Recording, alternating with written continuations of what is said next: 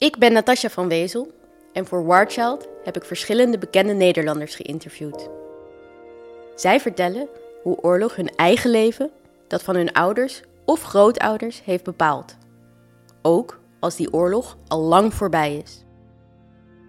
Oorlogstrauma's worden namelijk vaak van generatie op generatie doorgegeven.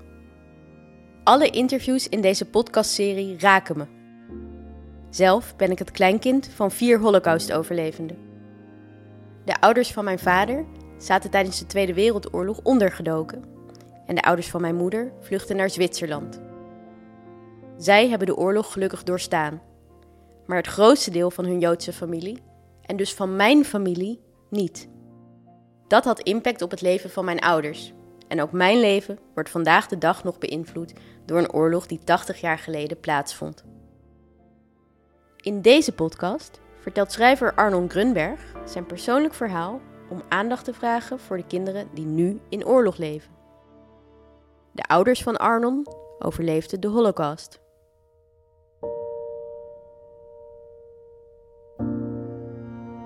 Mijn moeder heeft een boek geschreven, dat is ook na dood uitgegeven. Wat zij ehm, heel mooi beschreven heeft, is hoe ze aankomt in Auschwitz met haar moeder. Ehm, haar moeder is dan eigenlijk al heel verteerd door verdriet en zorgen, omdat uh, de vader van mijn moeder gedeporteerd is. Ze komt bij de selectie en uh, de SS'er die de selectie doet vraagt hoe oud ze is. Ze twijfelt of ze de waarheid moet zeggen, ze zegt de waarheid. Uh, en dan zegt hij, ga naar die kant. En zegt, mijn moeder gaat naar die kant, mag niet mee. En dan zegt, ze, zegt die man, de SS'er tegen haar, zegt... Du wirst deine moeder später zijn. Of woorden van soortgelijke strekking. En dan schrijft ze um, dat ze nog naar haar moeder keek, dat ze haar moeder nakeek... maar dat haar moeder zich niet omdraaide. En dat het de laatste keer was dat haar moeder zag. Um, ja, dus het feit dat haar moeder zich niet omdraaide... dat, uh, dat maakte begrijpelijkerwijs heel veel indruk op haar. Ze zei altijd dat de SS'ers ook naar haar lachten. En ze heeft vaak gezegd dat ze heel mooi was. Ik denk dat het ook klopt. Omdat dat um, haar geholpen heeft. En dat de moordenaars, toen ze ziek werd, heeft ze dat een keer gezegd dat de moordenaars naar haar lachten. Ja. Dat ze... Maar misschien is het ook een manier om zichzelf te beschermen dat ze niet slecht was behandeld.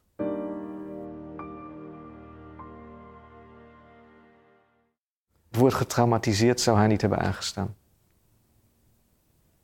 Mijn moeder hield, en daar hou ik zelf eigenlijk ook van, om ervan uit te gaan van je eigen kracht en niet van zwakte. En ik denk dat dat woord haar zou verzwakken. Mijn moeder kon wel huilen, maar ik heb mijn moeder zelden echt zwak gezien. Ik denk wel dat die zwakte natuurlijk ook bedreigend is. In die zin, dat ben ik ook met haar eens. Ik vind het ook moeilijk om met zwakte om te gaan. Ook mijn eigen zwakte, maar in zekere zin ook met zwakte van anderen. Omdat je toch denkt dat die zwakte besmettelijk is. Omdat je toch denkt, de zwakte van anderen kan mij... Dat klinkt alsof ik geen empathie heb, wat niet zo is, denk ik. Maar er zit iets moeilijks in zwakte, zeker als het zwakte is binnen van mensen die je naast staan. Mijn moeder vond... Um, het eigenlijk onvergeeflijk als wij ziek waren. Terwijl kinderen worden natuurlijk wel eens ziek. De ziekte ging gepaard met een verwijt. Ik had de ziekte moeten voorkomen. Ik had sjaal beter om moeten knopen. En misschien is het ook te makkelijk om te zeggen, om dat één op één terug te brengen tot haar concentratiekamp verleden. Maar dat, dat, ja. En het grappige is natuurlijk dat ik eigenlijk zelf ook niet moeilijk met ziekte. Ik vind eigenlijk dat mijn lichaam het altijd moet doen. Ik vind het eigenlijk onverdraaglijk als mijn lichaam mij zo in de steek laat dat ik mijn geplande werkzaamheden, mijn geplande dag niet kan volbrengen.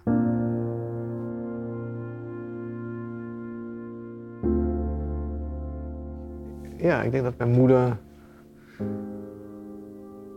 wel moeite had, toch, hoe was dat zelf te zeggen, om een plek, om, te, welke plek moest ze innemen in deze wereld. Ze was eigenlijk, haar wereld was natuurlijk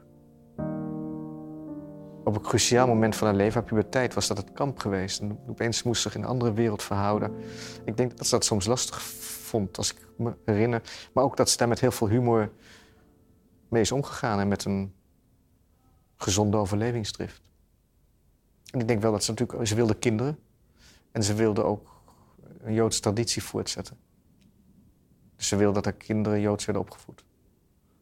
Ik was een nakomertje. Mijn moeder had heel veel miskramen voor ik ter wereld kwam. Dat ze uh, ja, absurd hoge verwachtingen van mij hadden. Je bestaansrecht zit in het excelleren. Het niet excelleren is bedreigend. Is dodelijk. Mijn moeder praatte wel eens over de oorlog en mijn vader zei dat, want als, vond dat, dat waren ook van die gevleugelde woorden ik nog heel goed kan herinneren. Van, mijn vader vond dat de keuken van mijn, bij mijn moeder toch de baas was. Mijn moeder was sowieso ook de baas thuis. Dat die niet genoeg was opgeruimd. Dat zei jouw keuken is Westerbork. Dat is een woord, ja, dat was een heel, dat kwam vaak terug. En mijn moeder heeft als ze heel erg boos was, heeft ze wel eens gezegd dat ze het in Auschwitz beter had dan bij haar, um, bij haar gezin.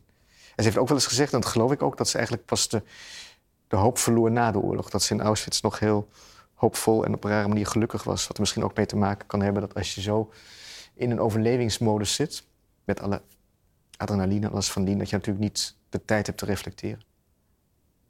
Het enige wat vaak ter, ter sprake kwam, er werden namen genoemd en dat werd altijd gezegd, die is niet teruggekomen.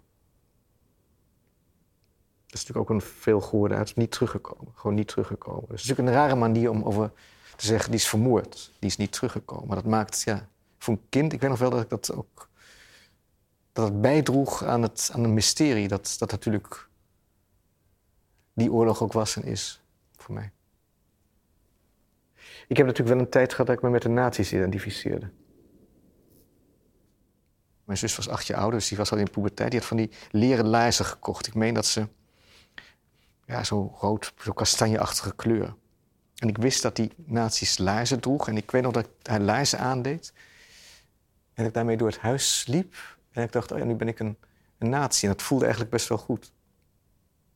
En er zat iets in dat appelleerde aan mijn fantasie en aan uh, wat ik spannend vond. En misschien was het ook omdat je toch het, het is het absoluut verbodene. En ook op een heel onbewust of bewust niveau. Dat je denkt, ja, je kan beter aan die kant staan dan het slachtoffer zijn in een massagraf.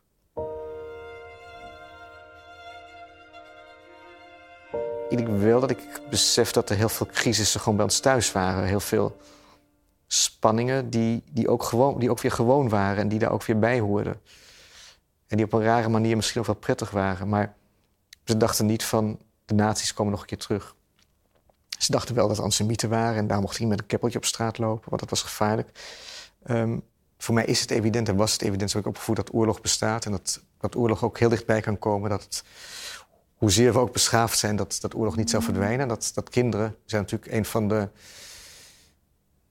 eerste en fundamentele slachtoffers vaak. Ik denk dat mijn moeder, maar dat geldt ook voor mijn vader, vereenzaamd uit de oorlog is gekomen. Bepaalde ervaringen kan je niet delen. Maar ook heel krachtig.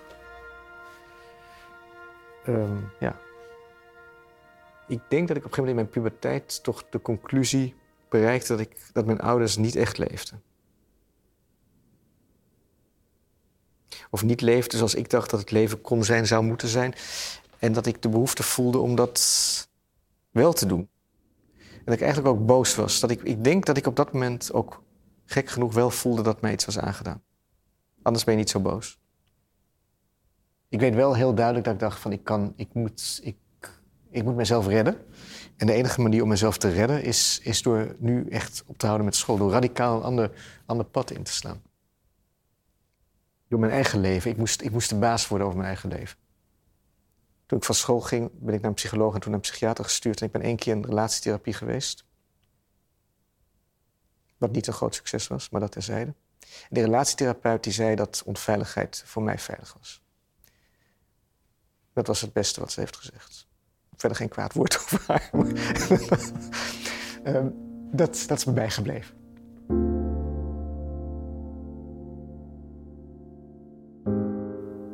Ik denk dat je met pijn kan spelen ook.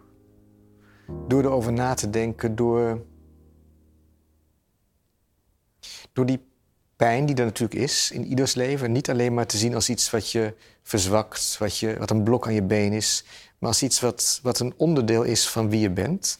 En de kunst is niet om het ehm, te overwinnen of te, van te genezen, maar om te leren en mee te spelen.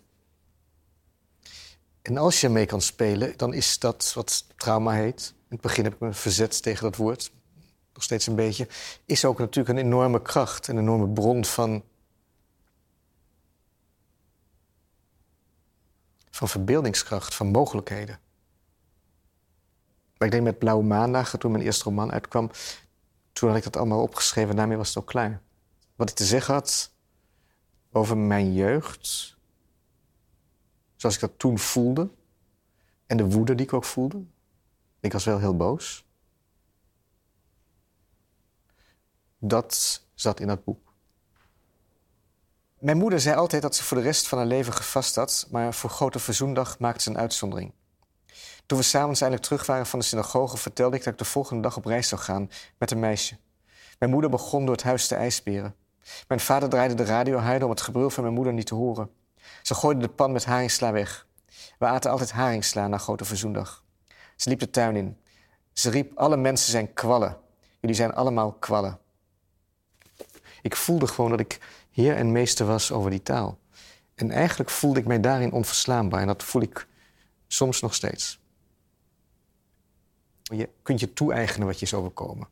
Ik heb schrijflessen gegeven aan soldaten in gevangenissen. Aan patiënten die ontzettend depressief waren, wat de moeilijkste groep was om mee te werken. Dus ik denk niet alleen voor kinderen, maar voor, voor iedereen is, natuurlijk, is dat. Voor heel veel mensen die een verhaal, die iets te vertellen hebben en nog niet weten hoe ze het moeten vertellen. Dus je kunt. Ik denk een van de ondraaglijke dingen van het slachtoffer zijn is dat dat slachtofferschap zo passief is. En op het moment dat je het verhaal je kunt toe-eigenen, je kunt zeggen: Dit is mijn verhaal, dit is wat ik heb meegemaakt. Wordt die passiviteit op een rare manier ook een activiteit? En is het niet meer alleen iets is wat je is overkomen, maar wat, waar jij in de onmogelijke situaties bepaalde keuzes hebt gemaakt en gehandeld hebt.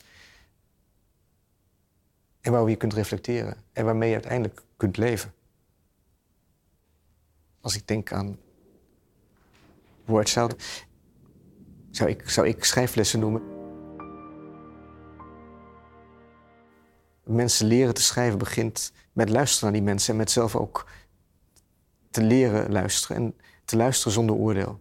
Dat is heel belangrijk. Ik denk dat, dat als het goed gaat, kan het zo verhelderend zijn of zo krijg je zoveel, leer je zoveel over het leven door je juist te concentreren op iemand anders.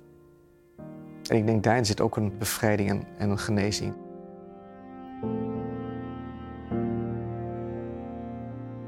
Nog steeds groeien kinderen op in oorlog. Bijna 200 miljoen wereldwijd. En ook nu maken deze kinderen vaak verschrikkelijke dingen mee. En lopen zo onzichtbare wonden op. Ze voelen zich boos, bang, kunnen anderen niet meer vertrouwen of kampen met depressies. En ook nu geven ouders de oorlog vaak door aan hun kinderen. En daarmee aan de generaties die nog komen. Er is één groot verschil. Anders dan vroeger kunnen we kinderen tegenwoordig wel helpen bij het verwerken van hun oorlogstrauma's. En dat is echt heel belangrijk. Met muziek, sport en spel helpt Warchild kinderen hun heftige verleden achter zich te laten. Hierbij helpen we ook hun ouders zodat zij er beter voor hun kind kunnen zijn. Zo durven kinderen weer een toekomst op te bouwen en voorkomen we dat oorlog erfelijk wordt. Wil jij ook je steentje bijdragen? Doneer dan nu via warchild.nl.